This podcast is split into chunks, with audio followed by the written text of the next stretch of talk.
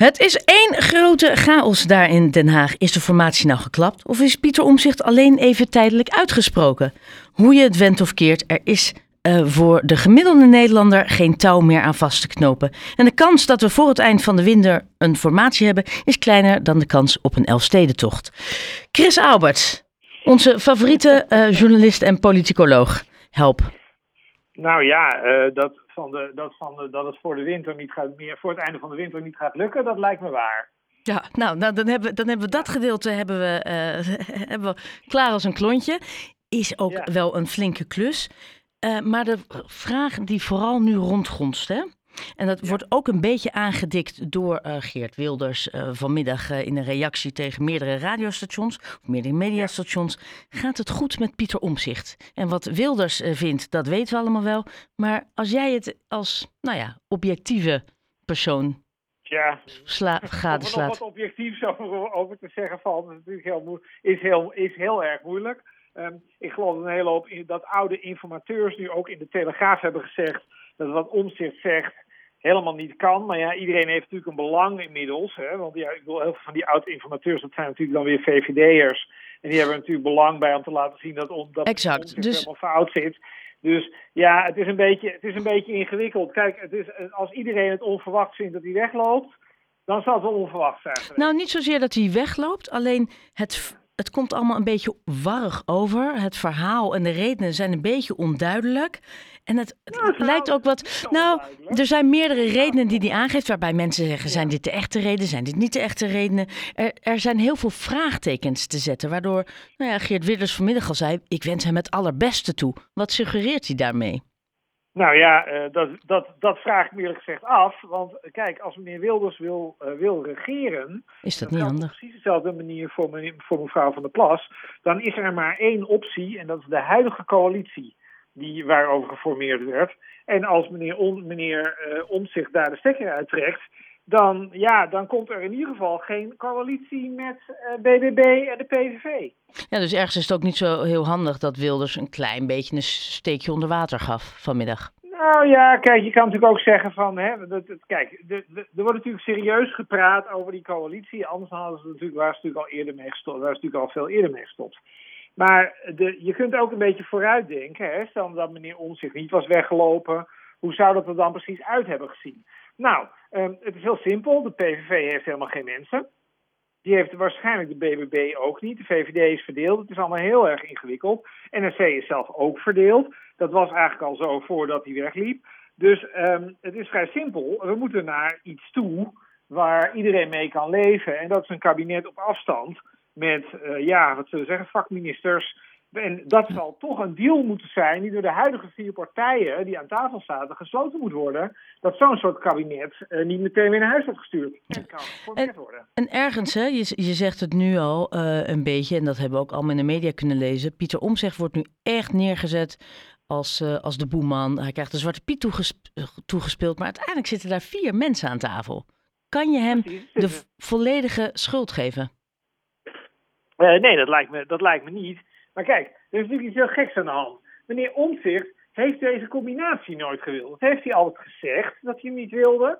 Um, vervolgens zegt, het hele, zegt, uh, zegt iedereen in de media, allerlei commentatoren, allerlei leden, allerlei derden zeggen... Ja, het zou zo goed zijn als zo'n coalitie er zou komen. Nou ja, daar gaan meneer Omzicht daar maar mee praten. Maar het heeft er natuurlijk heel veel, heel veel schijn van dat meneer Omzicht er eigenlijk nooit zin in heeft gehad maar door, eigenlijk door de buitenwereld een beetje gedwongen is om aan die tafel te plaatsen. Ja, maar je, gaat wel zelf, je loopt wel zelf naar die tafel toe en neemt een stoel. Uh, ja, maar het is natuurlijk ook, kijk, als je, als je niet met de PVV wil regeren, en ik denk zomaar dat meneer Omtzigt dat helemaal nooit gewild heeft, dan, uh, want dat heeft hij namelijk zelf gezegd. Dus is hij daar dan echt gaan zitten vanwege de druk? Terwijl zijn achterban ook verdeeld is. In ieder geval, speelt in ieder geval, speelt in ieder geval een rol. Mhm. Mm -hmm. En um, dan, dan, dat, is natuurlijk niet uit, dat is natuurlijk niet uit volledige overtuiging. Dat is natuurlijk gewoon zo. Maar er zijn meerdere niet overtuigd. Beetje, kijk, het is eigenlijk simpel. Hè? Kijk, je zou kunnen denken, wat voor andere kabinetten kunnen er nog meer? Nou, dan is er maar één. Dat is namelijk het kabinet met meneer Omtzigt, de VVD, uh, de GroenLinks P van de A en D66. Dat heeft ook een meerderheid. Maar dan sluit je de PVV uit en dan staat het halve land in de fik. Dus je zult eerst een coalitiepoging, coalitiepoging moeten doen, waarbij misschien kan getoond kan worden dat er met de PVV niet samen te werken valt. En dan kun je eventueel naar een andere variant gaan kijken. Denk jij dat er met de PVV niet samen te werken valt? Ik weet wel zeker dat er met de PVV niet samen te werken valt. Want meneer, meneer Pol, dat is een nieuw Kamerlid van de PVV. Eh, nou ja, die begon dingen te roepen over die toch wel erg pro-Russisch klonken. Ik ben erg benieuwd dat een coalitiepartij uh, wordt. Um, dan hebben we allerlei Kamerleden waarvan wij absoluut niet weten of dat, of dat mensen zijn waar je echt op kan bouwen, waar Wilders op kan bouwen. We weten dat Wilders eigenlijk niet van eigenlijk dacht dat al die mensen niet in de Kamer zouden komen. Hè, want ik bedoel, meneer Wilders ging er ook vanuit dat hij een 17 of 20 zou halen. Um, dus dat is helemaal niet zo zeker. We weten helemaal niet of de PVV wel ministers kan leveren. Er zijn ontzettend veel. We weten trouwens ook nog steeds niet wat de afspraak is die gemaakt is over de rechtsstaat. Dus er zijn ontzettend veel redenen om te denken dat het helemaal niet gaat werken met meneer Wilders. Ja, maar eh, hè, want eh, het eerste wat naar buiten kwam eh, was: het is geklapt, de formatie is geklapt. Zover is het niet. Hij heeft alleen tijdelijk gezegd: deze ronde doe ik even niet mee. Maar hoe nu verder? verslag. Nou, maak dat. Nou, we gaan dus gewoon rustig even een paar dagen wachten op wat meneer Plasterk in dat verslag schrijft. En daar komt dan een debat over. En dan gaat waarschijnlijk iedereen op, op meneer Omzicht in zitten hakken. Nou ja, ik wens iedereen in Den Haag er veel plezier mee. Want in alle, want in alle combinaties is meneer Omzicht samen met de VVD aan zet. Maar dat snap ik sowieso niet. Ze hebben elkaar nodig en toch branden ze elkaar volledig af.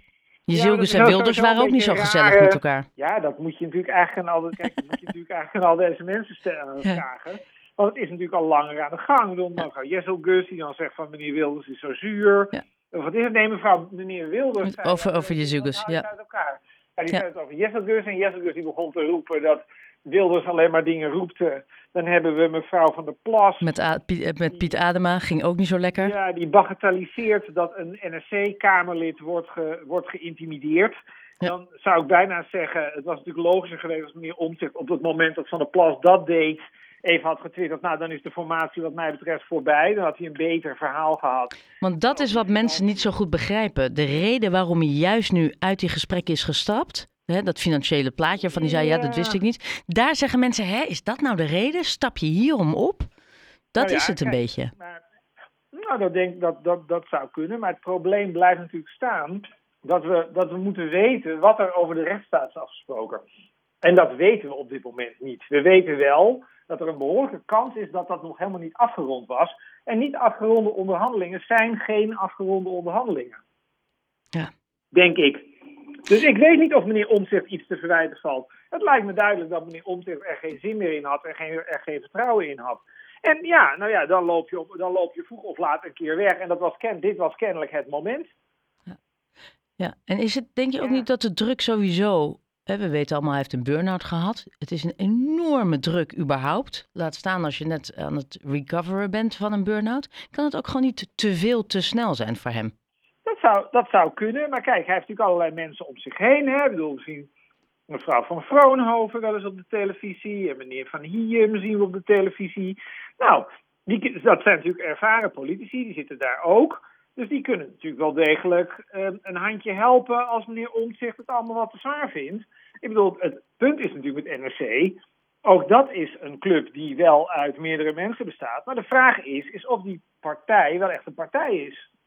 En of die partij wel een gedeelde, een gedeelde visie heeft op nou ja, bijvoorbeeld of zij met meneer Wilders willen samenwerken. En het lijkt er toch op nou, dat, is... daar allerlei, dat dat niet zo is. Nee, het schijnt dus dat die achterban dus heel uh, divers heeft gere gere gereageerd hierop. Dat de ene helft zegt, ik wil wel die kant op, een andere helft niet. Nou, maak dan maar eens een juiste keuze.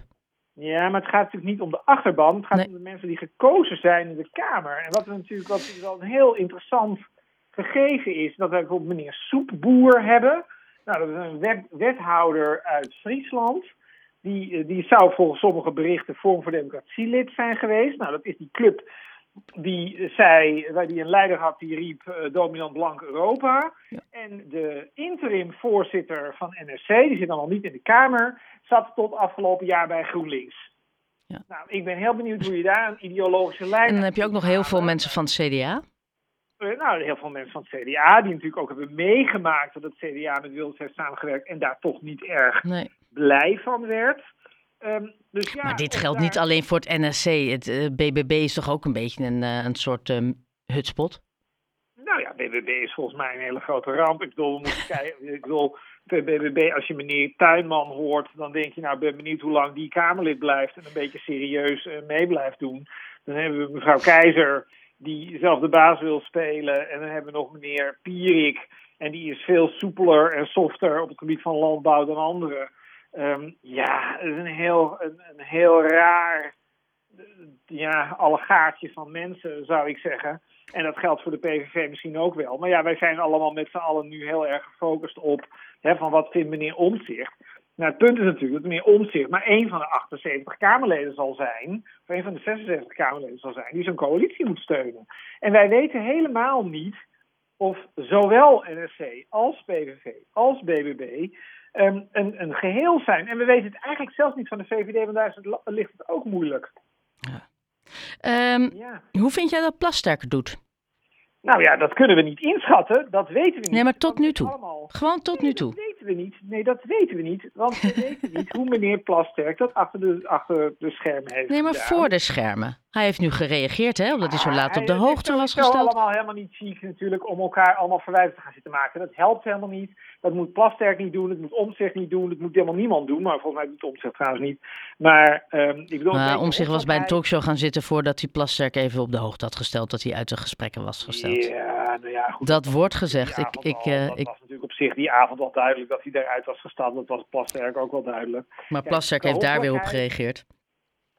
Ja, maar ja, weet je, dat, je, kunt ook, je kunt er ook voor kiezen om niet te reageren. En had jij, zou jij, als jij de adviseur van Plasterk was geweest, had jij hem dat geadviseerd?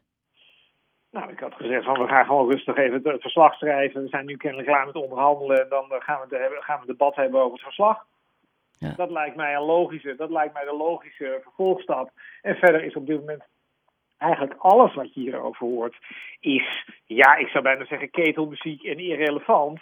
Want er moet gewoon een verslag komen van deze periode. Dat wordt ook geschreven, daar komt ook een debat over. Nou, en dan weten we precies hoe het gegaan is. En dan kunnen we heel goed inschatten van, nou, hè, heeft dit nog enige kans van slagen? Of was het eigenlijk sowieso al een hele tijd eh, huilen met de pet op? Ja, en, en, en komt dan de bal bij Timmermans te liggen? Nou, dat denk ik niet. Ik denk dat de, de, de bal sowieso bij de PVV blijft liggen. En gaat het hem Maar lukken? ja, de, nee, dat, maar dat klopt. Dus daarom zou ik ook zeggen, allemaal een beetje aardig tegen elkaar doen. Ehm, en eh, bl- blijf het dan toch maar proberen. En als je het niet probeert, nou ja, dan, weet ik, dan weten we nu al wat er, voor, wat er anders voor een coalitie uitkomt. Ja, Namelijk GroenLinks P van de A met D66. VVD, met Omtzigt, met D66. 60. Ja, Dat is de meerderheid. oké. Dus meneer Wilders zal, een, zal meneer Omtzigt aan boord moeten houden. Nou, ik ben benieuwd wat meneer, wat meneer Wilders bijvoorbeeld op het gebied van de rechtsstaat allemaal gaat toezeggen. Ja, dat is ook nog een, eh, dat is ook nog een hele belangrijke vraag. We Ja, weten helemaal niet of dat was geregeld. Hè? We weten dat helemaal niet. we weten sowieso niet zo heel veel, dat is de grap.